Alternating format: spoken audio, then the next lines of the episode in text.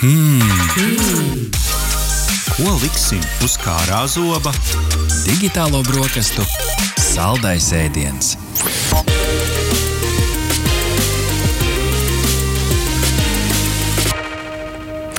Turpinam skatīties uz tehnoloģiju pasaules aktualitātēm aizvadītajā gadā. Šodien runāsim par galvenajiem notikumiem un tendencēm kiberdrošības jomā 2022. gadā. Un par to visu sīkāk vaicāsim mūsu šīs dienas raidījuma viesiem. Ar mums kopā ir Kirillis Solojovs, tehnoloģiju drošības eksperts un uzņēmuma Possible Security vadītājs, kā arī Agris Krusts, eksperts un uzņēmuma IT centrs vadītājs. Labrīt, kungi! Labrīt! Labrīt! Nu jā, lai gan mēs ar Rihardu tādās Ziemassvētku noskaņās, tie, kur mūs vēro šobrīd YouTube, šis gads galīgi nav bijis tik priecīgs, kā izskatāmies šobrīd mēs, jo ir bijuši daudz satraucoši notikumi un lielos ziņu virsrakstus bieži vien tas arī ir skārs tieši IT pasauli, IT drošību. Par to vismaz nu, manā redzeslokā, kā cilvēks, kurš lasa daudz IT ziņas ikdienā, šeit, tā drošības aspekts no manas skatu punkta ir kļuvis ar vien, ar vien nozīmīgāks, un iespējams to izjūtat arī jūs savā ikdienā. Mēs šo to esam sagatavojuši šodien no savas puses, tādu virsrakstu apkopojumu, taču gribam noteikti dot vārdu jums, kā ekspertiem, kas ar to strādā ikdienā. Un tas atverošais jautājums varētu būt, kas, jūsuprāt, ir tie būtiskākie notikumi pasaulē, tieši pasaules konteksts šobrīd, kas ir diktējuši to IT drošības, cilvēku uzņēmumu aizsardzības kaut kādas tendences. Varbūt, lai viens nepasaka pilnīgi visas tendences, tad varbūt pa vienam, viens, viens iemetam pa kādu notikumam, sāksim ar Agri. Agri, lūdzu. Nu, jā, paldies. Ne, nu, kopumā jau tas gads, tā it kā tādā reālajā pasaulē bija tāds ļoti savādāks kā visi iepriekšējie, bet uh, IT drošības vidē nu, kopumā jau nekas tāds baigi nav mainījies. Nu, uh, regulāri publicē visādas programmatūras ievainojamības. Šogad mums ir bijušas kaut kādas vairākas tādas, ka gandrīz vai varēja iztīties pie pasaules galsītē sistēmām. Bet beigās izrādījās, ka viņas pietiekami, pietiekami nekaitīgas. Nu, Kaut kā tā, tur skatoties, nu, varbūt Krievijam nedaudz savādāk skats šo, Jā, šo vai mēs bijām tuvu pasaules galam?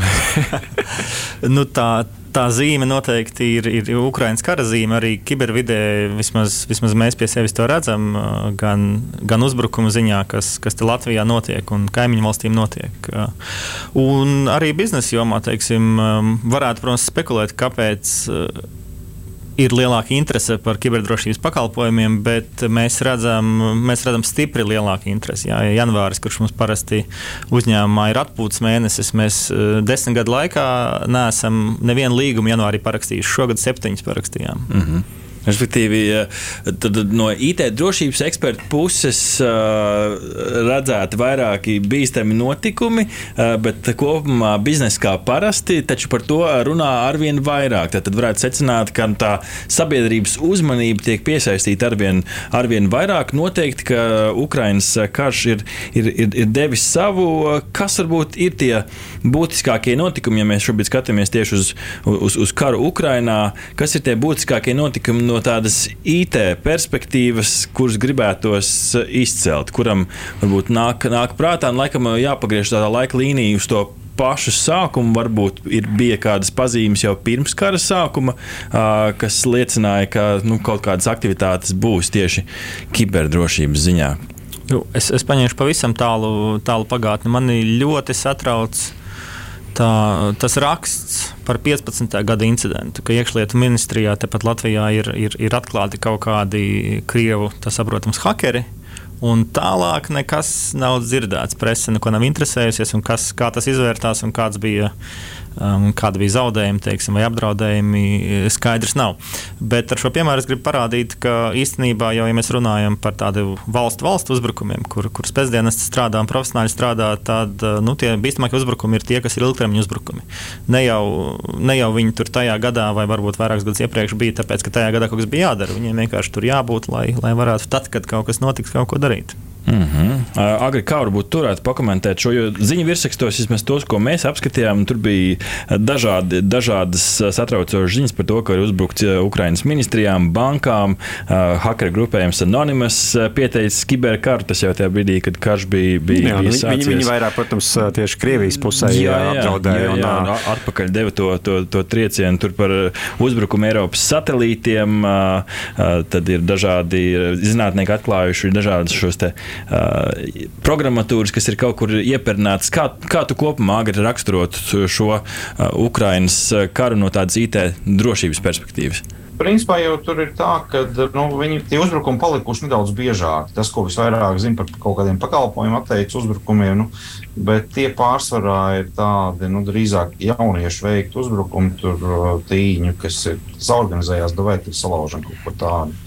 Bet nu, nu, nu, no nopietnākajiem un tādiem interesantākajiem ir kā reiz tas satelītu termināla uzbrukums, kas notika kara sākumā, kur visticamāk pie vainas bija Krievija. Šis bija tāds interesants, varētu teikt, kara, kiberkara elements, iesākot tādu kinētisko karu. Un, nu, pēc tam tas kaut, kā, kaut kādā mērā pat ir aplusis. Nu, ir tie pakalpojumi atteicis uzbrukumi, bet vairāk tādu kiberuzbrukumu. Kas ir tāds nopietns, kas sabojā iekārtas tā, ka viņas ir principā vairs nelietojamas. Tāda, man liekas, nav bijuši tur kopš kara sākuma. Attiecīgi, varbūt sākumā visi tur pamēģināja, saprata, ka vairāk tā nedarīs. Tur. Jo amerikāņi vienā brīdī piedraudēja Krieviem. Viņiem esot iespējas arī tur kaut ko salauzt viņu infrastruktūrā, un principā tālāk par tiem draudiem nekas nav bijis. Un, tā, nu, vismaz publiski nekas nav zināms. Man šķiet, šajā gadā pārmaiņas priekš manis, un varbūt, varbūt arī priekš agri, ir tas, ka nu, mēs visu laiku kā eksperti strādājam ar, ar šo te teorētisko varbūtību, ja, kad ir iespējams izmantot karā šīs kibertehnoloģijas. Un, un beidzot, mēs redzam, pavisam netālu no mājām, ka, ka tas notiek un redzam, kā tas sasaistās kopā ar kinētisko. Bet vai es pareizi saklausu, ka tad nevar, nav īsti patiesi teikt, ka karš šobrīd notiek uh, gan reālajā, gan kiberfrontē, tā kiberfrontē mazāk ar tādiem uzplaiksnījumiem. Nav tā, ka visu laiku, katru dienu ir, nu, sauksim tās par apšaudēm kiberfrontē. Es, es, do, es domāju, ka visticamāk jau tas karš kiberfrontē notiek un notiek nepārtraukti. Un viņš jau nav sācies, tad, kad notika tas iebrukums Ukrajinā, viņš vienkārši turpinās. Bet tā problēma ir tāda, ka. Nu, Mēs jau tā kā normāli cilvēki par to praktiski neko nezinām, jo viss ir diezgan slepens, noteikti noslepenots. Un, pat ja tur kaut kas tiek salauzts, tad nu, nevienmēr jau tur presa par to uzrakstīs. Nu, ir kaut kāda ārkārtēja gadījuma, ka par to uzraksta, bet ļoti, ļoti, ļoti bieži tas, tas ir kaut kur ap, apakšā. Turklāt nu, daļa tās kiber, eh, nu, tā, kiber iespēja ir izlūkošana. Attiecīgi par to mēs, eh, es domāju, ka publika vispār neko nezinās, tur, kas tur un kā notiek. Jā, nu, protams, atkal šeit ir jautājums par to, cik liela ietekme tam ir bijusi. Bet katrā ziņā vismaz uz sabiedrību nu, ļoti plaši izskanēja šis grupējums Anonymous. Un, protams, nu, te var tiešām diskutēt, vai tas ir tā neliela daļa no visām tām kiberapšaudēm, ko Arts minēja, bet nu, katrā ziņā ļoti redzama. Nu, Kiril, droši vien jautāšu jau kādu otro reizi, jo tu neesi pirmo reizi pie mums raidījumā. Nu, kā tu vērtē šobrīd, skatoties šo gadu? Vai tas vēl joprojām ir anonīma hackera bariņš, kur jebkurš var būt uh, tas hackers. Un, uh, nu, tas uzbrukumi parasti ir tādi gan vienkārši, vai tomēr tur arī, tādas, arī, arī tādi nopietni uzbrukumi ir notikuši šogad no viņu, viņu puses. Nu, anonimus struktūra un galvenais spēks ir tieši tajā, ka jebkurš var, var sevi nosaukt par anonimus, savu, savu darbību, un tad anonimus uzbruk. Bet jāsaka, ka es varbūt novērtēju nu, kopumā tos hackerus, kas ir gatavi saukties par anonimus par zemu. Eh, šogad eh, es nedomāju, ka vairāk par šiem, šiem dīdos, ja pakalpojumu atteicis uzbrukumiem, viņi kaut ko darīs. Bet mēs redzējām dažas kampaņas vērstas Krievijas virzienā, kur viņi tomēr veica nedaudz sarežģītākas operācijas, kas mm -hmm. man ir pārsteigums. Mm -hmm, mm -hmm. Kā tu agri vērtēji, piemēram, ziņās izskanēja šāds jaunums par to, ka Maskavas centrā taksometri ir vienkārši sasaukti daudz visi vienā vietā un nobloķējās satiksmi. Tas ir kopumā nu, tāds smuks, skaļš triks un palielam, nu, kā latviešu valodā saka, pupu mizas, vai arī, vai arī šādiem uzbrukumiem arī ir kaut kāda nozīme tomēr? Grūti pateikt to, to praktisko nozīmi. Es domāju, ka tie ir tieši tā, ekspertāti, tur uh, cilvēki, kar, ka, kam ir spējas, mēģina izpētēties. Šis, uh, šie pasākumi visticamāk kaut kādā mērā privāti. Tur tas nav tā, ka valsts uh, kaut kāda hakeri kaut ko dara. Nu, Tas, protams, ir interesanti, parāda, ka to var izdarīt, bet uh, no otras puses tas nav nekas unikāls. To cilvēki darījuši iepriekš dažādos veidos. Nu, vienkārši šoreiz atkārtoju to visu. Tāpēc nu, tas ir interesanti lieta un parāda, ka nu, cilvēki var iesaistīties arī diezgan globāli un radīt diezgan liels kaut kādas problēmas, li, uh, kaut kādas interesantas lietas. Bet uh, nu, kopumā tas ir tā, tā kā pakalpojumu atteikts uzbrukums, kas ietekmē drīzāk sabiedrisko tēlu un vienkārši sabiedrību biedē par kiberdrošības lietām. Šeit man gribās uzspiest to zoom out pogu. Ja mēs tā paskatāmies uz šo mazo smieklīgo incidentu, patiesībā no nu, mūsdienu rīkiem tu vari sēdēt otrā pasaules malā, divānā, dzert tēju, uzspiest pāris pogas, un tev ir reāls dzīves ietekme, nu, varbūt pavisam citā, citā vietā. Interesantā laikā mēs dzīvojam. Redz, kibervidē mēs esam, mēs esam tādā situācijā, ka jebkurš var, var nopirkt vai uzbūvēt eh, raķešu metēju, savu apaču helikopteru, jā, eh, virtuālo un, un iet uzbrukt. Eh, kamēr tas nemainīsies, un es nezinu, kad un vai tas vispār mainīsies, tikmēr, tikmēr tādas situācijas būs. Jā, var izklaidēties ar, ar, ar, ar takšiem. Es to sauktu droši vien par psajops uzbrukumu, bet kaut kāda koordinācija starp visiem, visiem uzbrukumiem nebūs, kamēr, kamēr civilie tiek pie šīm lietām un droši vien visu laiku arī tiks. Jā. Nu, Pārcīnāmies pie, uz Latviju šobrīd un, un parunāsim par to, kas ir aktuāls noticis eh, šeit. Un, eh, protams, arī bija šie eh, dīdos uzbrukumi gan daudz, nu, piemēram, gan uzņēmumiem, gan dažādām gan valsts iestādēm, gan valsts akcijas sabiedrībām. Nu, piemēram, šeit mēs pie uzņēmumiem varam minēt to pašu centrālo laboratoriju, mums ir Inbox LV, kam arī tika, tika veikts kiberuzbrukums, un, un, un tāpat arī nezinu, satiksmes drošības direkcija, un tāds to sarakstu var turpināt. Rīgas piena kombināts un, un, un tā tālāk. Tā projām. Tātad gadījumu bija gana daudz. Um, ja mēs skatāmies uz šo, tad varbūt kas ir bijuši būtiskākie incidenti uh, šogad un, un ko varam sagaidīt nākamgad? Vai būs tāpat turpināsies un būs pieaugums, vai, vai, vai, mēs, vai mēs tomēr piedzīvosim kaut kādu plato fāzi vismaz? Tas ir baisais jautājums. Kara sākumā, um, tātad, tad, kad, tad, kad kiberaktivitātes uh, palielinājās, tad eksperti pasaulē un arī mūsu reģionā redzēja, ka samazinājās uzbrukumi, um, izspiešanas uzbrukumi, tādi, kur tiek nošifrēti serveri, nošifrēti datori. Acīm redzot, tie cilvēki bija vai aizņemti ar kaut ko citu, vai netika, mm -hmm. vai netika attiecīgi pie interneta. Bet uh, šajos dīdas uzbrukumos laikam jau pats, pats interesantākais bija tā datu kvalitāte. Jā. Viņiem tā tad uh, bija saraksts kas ir tās lietas, kurām viņi taisās uzbrukt, un tur bija pilnīgas muļķības uh, sarakstītas. Jā. Viņi, Kādā ziņā muļķības?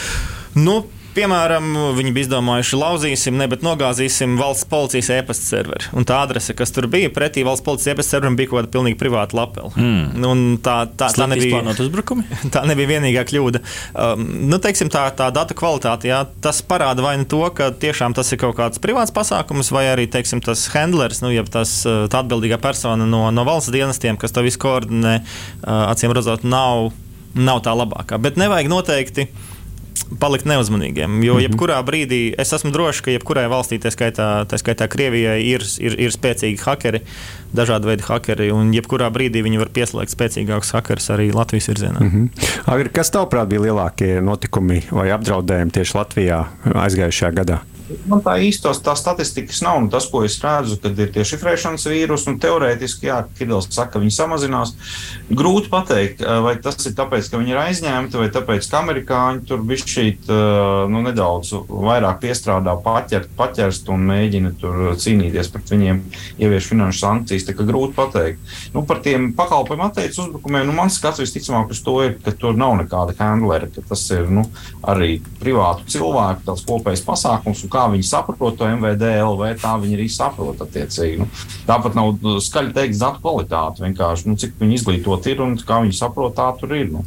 Tāpēc nu, te, es drīzāk satrauktos par, nu, ja mēs skatāmies uz tādiem nopietniem hakeriem. Nu, uh, kad nu, visticamāk jau viņus ir grūti ieraudzīt. Un, ja mēs neesam ieraudzījuši, ka hakeri kaut kādā tur infrastruktūrā, tas jau nenozīmē, ka viņi tur nav. Drīzāk par šo, šo lietu jāsatraucās. Kad, nu, pie šīs lietas jāstrādā. Tāpēc, nu, kas, kas būs nākamajā gadā, nu, es ceru, ka nekas baigi nemainīsies. Viss notiks tieši tāpat, mazāk visticamāk, nebūs, bet nu, mm -hmm. kaut kādā mērā būs pakalpojumu atteicis uzbrukumi, datu šifrēšanas uzbrukumi, kas ir nu, varbūt globāli nav baigi, baigi skaļie, bet nu, tam konkrētiem uzņēmumiem, maza, mazajiem vai vidējiem, kurš uz to trāpās un kam jāmaksā tie vairāk tūkstoši par datoru, par atšifrēšanu. Nu, tiem tas ir sāpīgi. Bet, nu, par to, protams, cert eh, nerakstīs, un avīzēs arī nerakstīs. Nu, tas, tas būs tā zem tāda radara, un mēs to īsti neredzēsim. Jā, nu, ja mēs tā pavērtējam, cik nu mēs varam vērtēt uh, mūsu uh, valsts atbildi tam, nu, piemēram, uh, arī bija ziņa, ka ministrs kabinets atbalsta Nacionālā kiberdrošības centra izveidi. Uh, tāpat Latvija veikusi plašu IKT sistēmu drošības meklēšanas draudu, tātad šo draudu meklēšanas operāciju. Nu, Kiril, kā, tu, kā tu vērtē, kā saka, šie noteikti ir soļi pareizā virzienā? Kopš 2010. gada, kad uh, valsts nolēma beidzot pievērsties kiberdrošībai. Es teiktu, ka katru gadu ir gājis, ir gājis uz augšu. Ir vairāk atskaites punkti, kas varbūt klausītājiem šeit nav tik interesanti, bet uh, kopumā visu laiku cert, cert darbību ar vienu iet uz augšu, un arī šīs jaunās kampaņas aizsardzībai, ko viņi veids, noteikti ir uzslavējums. Mhm. Agri, kāda ir tava perspektīva? Nu, es domāju, ka nu, ir kaut kas notiek šajā jomā un kaut kas attīstās, bet nu, man liekas, ka tas uh, nav īstais risinājums. Tur institūcija taisīšanā, tur kaut kāda likuma papildināšanā. Jo nu, es, es zinu no auditiem, kā tas, uh, kā tas strādā reāli un nu, ko nozīmē atbilstības nodrošināšana. Es pieņemu, ka lielākā daļa auditoru to zina. Tāpēc kopumā skatoties, nu, vai, vai es šaubos, vai tas kaut ko fundamentāli mainīs. Nu, drīzāk jāstāsta uz tādām interesantām lietām, kur citas valsts eksperimentē. Piemēram, Austrālija tikko ir paziņojusi, kad uh, viņa preventīvi cīnīsies pret uh, kibernoziedzniekiem. Ja viņiem ir aizdoms, ka kāds uzbruks Austrālijai vai ir uzbrucis, un varbūt viņi līdz galam nevar pierādīt, viņi vienkārši pavērsīs savējās kiberiespējas uh, ofensīvās pret uh, tiem cilvēkiem. Varbūt pat ne tikai kiberiespējas, uh, attiecīgi, varbūt arī kaut ko tādu reālajā dzīvē un vidē. Respektīvi, viņi ir pateikuši, ka jūs lauzīsiet austrāliešu kompānijas, jūs par to samaksāsiet. Izklausās, Attiecīgi... izklausās ļoti agresīva pieeja. Nav vairāk kā tāds mārketinga sauklis un iebiedēšana. Baigā distopija. Es gribēju redzēt, vai tas, vai tas tā notiks. Tas izklausās pēc filmas Minority Report, jā, kur kāds, kāds izdomā, ka mm. kāds kaut kur taisās uzbrukt un, un, un tad vācam nost. Nu, mēs, nu, mēs redzēsim īstenībā. Mm, tur mums jau nav tālu jāmeklē piemēri. Pat kaimiņos Izraēla tā ir darījusi bez, bez tā, tādām juridiskām baigām sekām. Attiecīgi tur cīnījusies pret uh, visādiem uzbrucējiem kaut kādos veidos. Kā tas iz, izdosies Austrāļiem, nu, mēs redzēsim. Bet, uh, nu, Mm -hmm. Kas varbūt ir tās vērtīgākās mācības, ko mēs šeit, Latvijā, nu, domājot gan no uzņēmumu, gan no organizāciju uh, viedokļa, ko mēs varam mācīties no tiem uzbrukumiem, kas šogad ir vērsti pret Latvijas iestādēm? Nu, Kirillis saklausīja jau vienu, vienu tādu secinājumu, ka diezgan bieži uzņēm, uh, tie uzbrukumi ir varbūt nekvalitatīvi, ne pārāk labi organizēti, bet, nu, ja mēs skatāmies vēl, vēl dziļāk un domājam no tādas perspektīvas, kā pasargāt pašiem sevi, Ko mēs varam uh, iemācīties no tā, kas šogad ir noticis? Zinu, kā es, es kopēšu agru vārdus. Nu, neko jaunu jau te nevar pateikt. Viens un tas pats visu laiku ir. Tās problēmas nemainās. Jā. Tā tad uh, mums ir gan valsts iestādēs, gan privātajā sektorā viens tas pats. Uh, vecas, veca programmatūra, kas netiek atjaunināta, lietotāji, kas nav izglītoti un, un, un, un spēj kaut ko uzklišināt vai, vai, nepareizi, vai nepareizi izdarīt. Un, nu, protams, administratori, kas kopumā varbūt eh, netiek, netiek gluži galā ar saviem pienākumiem, vai arī privātajā sektorā ir tāda unikāla lieta, ka vienkārši tāds amats varētu nebūt. Jā, mums var būt 10, 20 cilvēku uzņēmums, un, un IT ir tik daudz, ka nopērk no kaut kāda CIX dators un uzliek un, un aiziet. Tad tas nav pat varbūt tādu ļoti augstu tehnoloģiju jautājums. Tas iespējams ir mūsu kaut kāda ikdienas rutīnu un tādu pat pamatzināšanu jautājums par uh, informāciju tehnoloģijām un, un uh, kiberdrošību. Es eh, ne, neesmu gatavs galvot, ka eh, visas svarīgās un pavisam interesantās sistēmas ir pilnībā aizsargātas no super sarežģītiem uzbrukumiem, bet mana sajūta ir tāda, ka tur tiek darīts daudz vairāk un ka tur tā gatavība ir daudz labāka nekā tas būtu mazāk interesantās sistēmās mm -hmm. un vienkāršākiem uzbrukumiem. Agri, cik ļoti tā ir uh, tehnoloģija problēma un cik ļoti tā ir cilvēku problēma? Tur ir nu, tehnoloģija problēma, jau nav printā kopumā skatoties. Mūsdienās jau to no, var diezgan labi nodrošināties. Ar tehnoloģijām un aizsargāt sevi. Nu, tur parasti tā ir cilvēka problēma. Gribās kaut ko ērtāk izdarīt, gribās vai sistēmai piekļūt birojam no mājām, tur atver vēl kā, kādu piekļuvi sev nepareizi, neapdomājot lieto kaut kādas vienkāršas paroles, tur, jo sarežģītāks ir slinkums, grūtāk, nu, tas, tas pat tā programmatūras neatjaunāšana, tas tie visi ir. Nu, cilvēciski faktori. Savukārt, nu, uz, uz šo lietu turklāt arī nevar skatīties tā ļoti vienveidīgi, re, kur, nu, kuras tās tipiskās problēmas. Nu, ir organizācijas, kas sevi ļoti labi aizsargā, nu, viņās uh, ir daudz grūtāk ielausties nekā nu, kaut kādiem ļoti vienkāršiem. Tur, mazajiem vidējiem uzbrukumiem, kuriem tiešām ir kaut kāds viens administrators, viņam kaut ko maksā, tur viņš kaut ko dara. Tur, nu, principā, tā, tas rezultāts varbūt nav tāds superlabs. Te man radās nākamais jautājums. Nu, par šo noteikti runā daudzās konferencēs un, un, un semināros, eh, bet, ja, ja, ja cilvēks ir daļa no, no, no, tā, no tās ievainojamības ķēdes. Nu, kas šajā situācijā jūsuprāt, kā ekspertiem būtu jādara? Tās ir masveidīgas, varbūt organizētas apmācības, jā, kur apmācīs visos... kampaņas. Jā, tās ir kampaņas. Parāli nevajadzētu taisīt 1, 2, 3, 4, 5, 6, 7 un izsaukumu zīm galā. kas, kas būtu pareizie, pareizie risinājumi, lai mēs nodrošinātu, nu, nodrošinātos maksimāli, ka cilvēku faktors nav tik liels faktors? Mm, apmācības noteikti ir laba lieta, taču Tas virziens, kurā IT drošības eksperti pasaulē lēnām virzās, ir viedoklis, ka tomēr būtu jāveido sistēmas tādas, lai minimizētu šo, te, šo cilvēku risku. Jā, teiksim, tā, lai nevarētu izveidot nepareizu paroli, paroles izmet ārā un lieto kaut kādu kaut kādu citu autentifikāciju, kaut kādas viedkartes jā, vai, vai kādu mobilo aplikāciju un tam līdzīgi. Un katrai šādai problēmai ir, ir es pats neesmu liels fans šim novirzienam, bet ir kiberdrošības eksperti, kas uh, strādā pie šīm lietām, un viņi katrai šādai problēmai, cilvēku problēmai, meklē vai ir atraduši kaut kādu veidu, kā izslēgt cilvēku no no tās problēmas daļas. Jā. Mēs nevaram izslēgt cilvēku no IT lietošanas, jo tie ir tie, kas uzņēmumos taisa naudu, pārvalda valsti, viņi lieto datorus ar, ar kaut kādu mērķi, bet uh, mēs varam mēģināt minēt tās problēmas. Es domāju, tas ir tas, kurā virzienā nu, pasaule kopumā iet. Bet tas nenozīmē, ka rītdien jūsu uzņēmumā tagad uh, šito ieviesīs. Jā. Tur ir tāls ceļš ejams daudzām no šīm tehnoloģijām. Mm. Agri, kāds ir viedoklis par šo?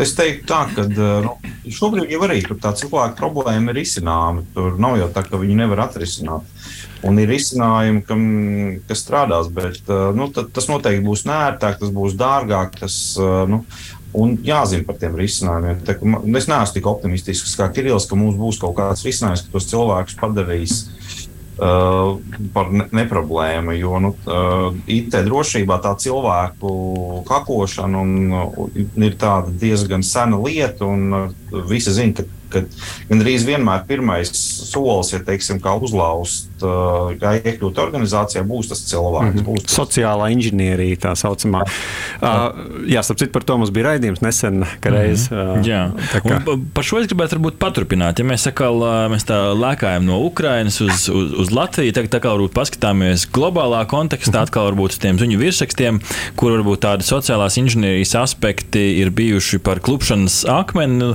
Zīmoli ir dzirdēti dzirdēti dažādi. Ir uh, Uber uh, taksometru firmas uh, uzlaušana, gameru pasauli satricināja Grand Theft Auto 6 video spēles, video nopludināšana, kas, kas video spēļu pasauli pāršalca.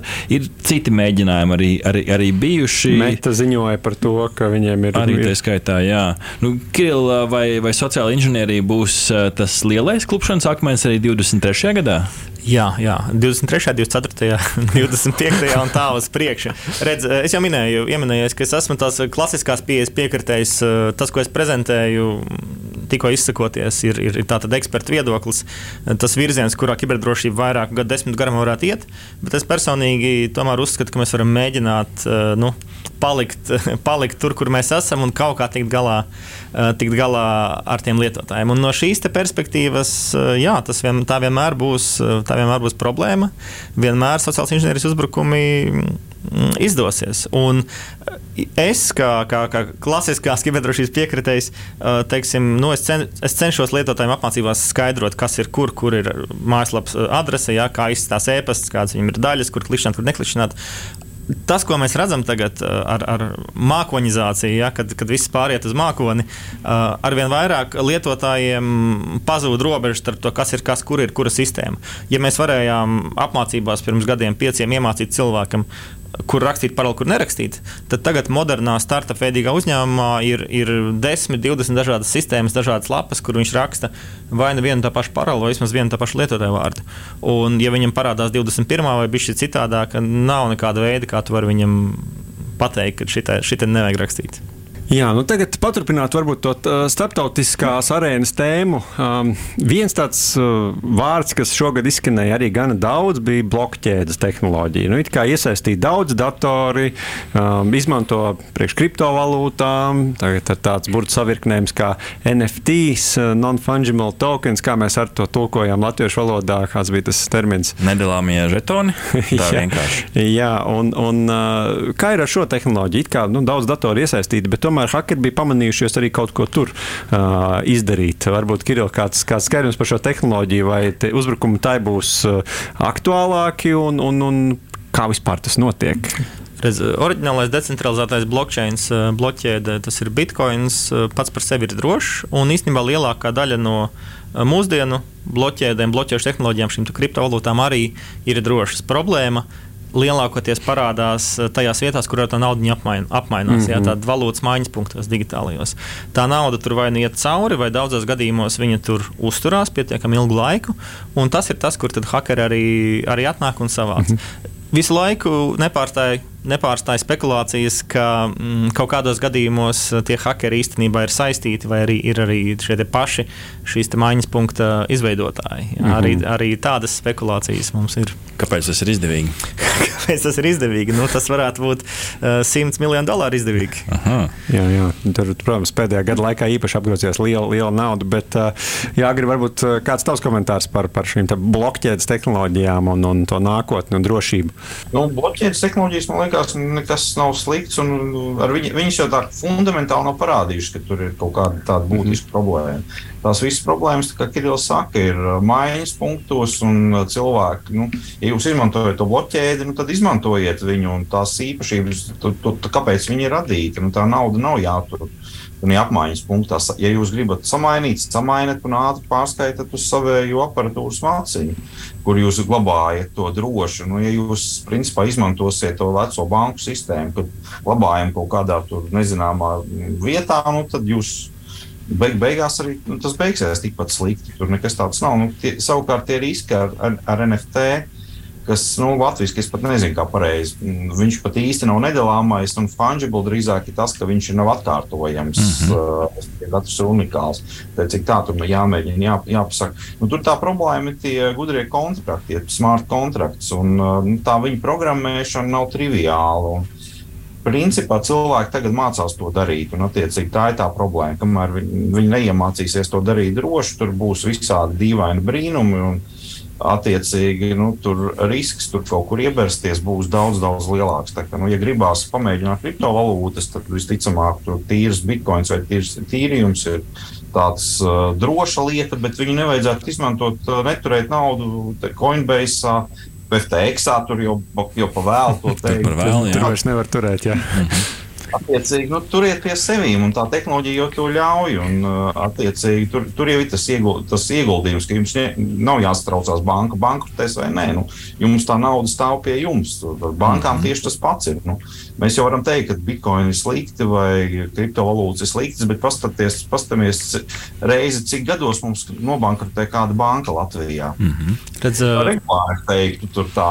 Ar, ar, ar NFT ir vēl viena, vēl viena interesanta problēma. Un, um, tas ir tas, ka viņiem nav juridiska atbalsta. Jo, jo tomēr kriptovalūtas decentralizētās viņas ir taisītas uz, uz pieņēmumu, ka mēs gribam kaut kādu maksāšanas līdzekli bez valsts iesaistes. Mēs gribam būt autonomi.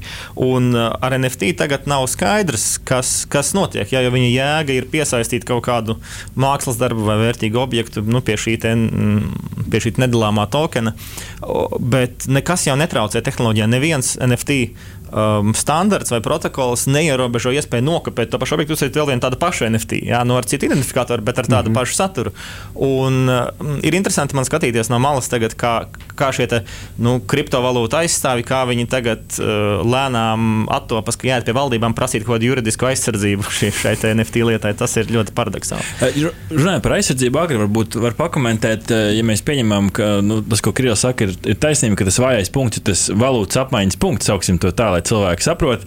Es saklausīju, ka, protams, viens no risinājumiem var būt uh, turēt naudu zeķē, jeb turēt uh, kaut kādā savā ierīcē šo visu, bet nu, tomēr nu, es minēšu, ka vairumam cilvēku, kuri to grib pamēģināt, un varbūt pat ar lielākām naudas summām, viņiem varbūt nav tā zināšanas, lai turētu pie sevis, jeb drošā vietā.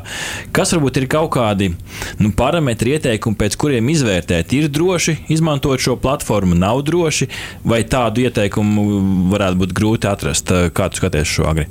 Tas, tas ieteikums ir uh, aparatūras maciņa. Tur nav, ja jums tās kriptovalūtas ir vairāk par 100 eiro, tur atti, attiecīgi visticamāk. Uh, Nav iemesla viņu neturēt aparatūras maciņos tur un izvērtēt. Nu, kurš, kurš ir drošs, kurš ir nedrošs. Tās kriptobiržas viņas ik pa laikam nobeidzās, bet tāpat arī bankas nobeidzās. Nu, Eiropas Savienībā par laimi ir noteikts, ka 100 tūkstošus jums garantē, tur attiecīgi jūs varat Ja jums nav vairāk par 100 tūkstošiem, jūs varat dzīvot mierīgi šobrīd. Ja jums ir vairāk par 100 tūkstošiem, jau parādās stress, jo vairāk par vienu kontu jau nemaz tik viegli nevar atvērt. Tāpēc nu, tā, tā pasaule jau nav tāda. Tāpēc nu, mans ieteikums nevis skatīties, kura birža ir droša, bet uh, neturēt neko nevienā no biržām, turēt pie sevis un izmantot to kriptovalūtu iespējas. Savukārt par NFT, nu, par NFT ir tieši tas pats, kad nu, tur Kirillis minēja, ka nu, viņi tur ir, neviens nesaprot, ko, to, ko ar viņiem darīt. Bet es teiktu, tā šobrīd visi eksperimentē, mēģina saprast, kā, kādā, kāds tas pielietojums. Nu, viena lieta mākslas darba kaut kādas lojalitātes programmas. Te, te, tas pats ir Baltikas eksperimentiem. Man liekas, viņiem otrais, otrā NFT sērija jau bija kaut kādas kā mākslas darba kartiņas, tagad ir lojalitātes programma balstīta uz NFT. Tāpēc nu, pēc kaut kādiem pieciem gadiem mēs redzēsim, tas strādā vai nestrādā. Mm -hmm. Ļoti iespējams, ka lielākā Daļa ideja būs uh, vienkārši zemē nomesta nauda un darbs, bet nu, varbūt kaut kas no tā sanāks. Kirill, tas uh, apatūras maciņa, kā meklēt angliski, nu vai tas ir tas svētais grāls? Angliski hardware wallets, um, tas ir, tas ir daudz drošāk. Jā, vēl ir tas mēs cold storage, jeb augstā glabāšana, ka tu izdrukā, izdrukā uz lapiņas un ieliec seifā, tur, kur neviens cits netiek klāt. Uh, nu, to savus, to savus atslēgu parametrus, jā, un uh, arī, jau, arī tāds variants. Tas būs tieši tas pats ar, ar šo, te, to pašu maciņu. Tur, nu, jā, jā, jā. Maciņiem ir Ledger un Trezor, kas ir, man liekas, divi, divi līderi. Bet, lai to maciņu, to iekārtu padarītu drošu, jums tā vai tā jādomā, kādā veidā jūs to privāto atslēgu saglabājat. Nu, Ierakstīšana nederēs, jo viņa var sadegt, viņa var ūdenī sa sabojāties. Nu, te, te jau, man liekas, mēs aizējām ļo, ļoti tehniskās, tehniskās detaļās. Bet ir labi zināt, kā to sauc. Vai ne, vai ne tieši tā. Tā kā katrs var, uh, saka, internetu meklētājos paskatīties un, un papētīt dziļāk. Pirms mēs. Pirms mēs dodamies pie nākamā gada prognozēm, es gribu pajautāt vienu īsu jautājumu Kirillam. Tavuprāt, kas bija būtiskākie notikumi vai sasniegumi tieši balto hakeru darbībās šogad? Nu, teiksim, tie cilvēki, kas mēģina cīnīties pret tiem, tiem melnajiem hakeriem. Varbūt kaut kas tāds, ko tu gribētu izcelt. Es nezinu, vai šis bija labs gads uh, baltiem hakeriem, vai 22. Uh, gads bija gads, kad, kad, kad šie whitehati tā saucamie ir, ir, ir, ir pavirzījušies uz priekšu. Es uh, redzu ļoti daudz tehnoloģijas un ļoti daudz attīstības tieši, tieši otrā pusē. Ja. Mm -hmm. nu, šie Whitehead, Baltās cepura hakeri, viņi gan sadalās arī ir, ir sarkanā un, un, un, zaļa, sarkanā un zilā komanda. Ja. Uzbrucēji un aizsargi mēs pārstāvam uzbrucējus pie sevis. Un mēs, protams, varam izmantot tās tehnoloģijas, kas parādās. Mēs izmantojam tās tehnoloģijas, kuras izmanto arī, arī noziedzīgā pasaulē. Ja. Līdz ar to šādā ātrā informācijas apritē, kur uh, jauni rīki, tā kā viņš kļūst pieejams, viņš diezgan ātri izplatās uh, pa, pa visiem kanāliem. Uh, principā jāsaka, tā spēle ir, ir, ir līdzīga. Jā, sarkanā komanda Whitehatos, jā, nu, tātad labie, labie uzbrucēji ir tajā pašā pozīcijā, vienmēr būs tajā pašā pozīcijā, kur, kur, kur, kur sliktie Jā, nu, noslēdzot, noslēdzot mūsu sarunu, burtiski viens teikums jums katram. Nākamais gads, kas būtu jūsu viena prognoze attiecībā uz kiberdrošību? Es domāju, ka nekas nemainīsies. Viss turpināsies tieši tāpat, kā bija šogad. Attiecīgi. Tur pagaidām neizskatās, ka uh, kaut kas varētu mainīties. Iespējams, ka mēs beidzot sagaidīsim kādu drošības problēmu, kas būs līdzvērtīga pasaules galam. Jo divas reizes šogad, man liekas, mums bija, bija kaut kādos vecās programmatūrās tāda drošības problēma problēmas, kas varēja īstenībā sagraut uh, diezgan lielu daļu IT sistēmu. Par laimi izrādījās, ka uh, sākotnējās bailes bija pārspīlētas, bet pastāv iespēja, ka mēs tomēr kaut ko tādu dabūsim. Mm -hmm. Kiril, kāds tavs skats? Es domāju, mēs turpināsim redzēt ar vien lielāku militarizāciju un profina, profesionalizāciju mm, no šiem hakeriem. Jā. Tātad viņi būs arvien organizētāki un uzbruks, uzbruks arvien, arvien vairāk. Statistiski, ņemot vērā, ka uh, tomēr arī iesācēju hakeri, viņu skaits palielinās. Es domāju, mēs neredzēsim šo te, nu, tādu balansu izmaiņu, bet, ja mēs paskatāmies profesionāli sarežģītu uzbrukumu, viņu skaits absolūtos skaļos noteikti pieaugs. Paldies, kungi, ka bijāt šodien kopā ar mums. Ar mums kopā bija Kirillis Solovjovs, tehnoloģija drošības eksperts, uzņēmuma Passable Security vadītājs, kā arī Agris Krusts, uzņēmuma IT centrs vadītājs. Paldies! Paldies jums un priecīgs Ziemassvētkus! Aha! Paldies, ka noklausījāties mūsu līdz galam! Ja patika, uzspiediet laiku, atstājiet komentāru vai padalieties ar draugiem. Un nobaudiet arī citas epizodes, kā arī sekot mums, lai nepalaistu garām savu ikdienas tehnoloģiju ziņu devumu.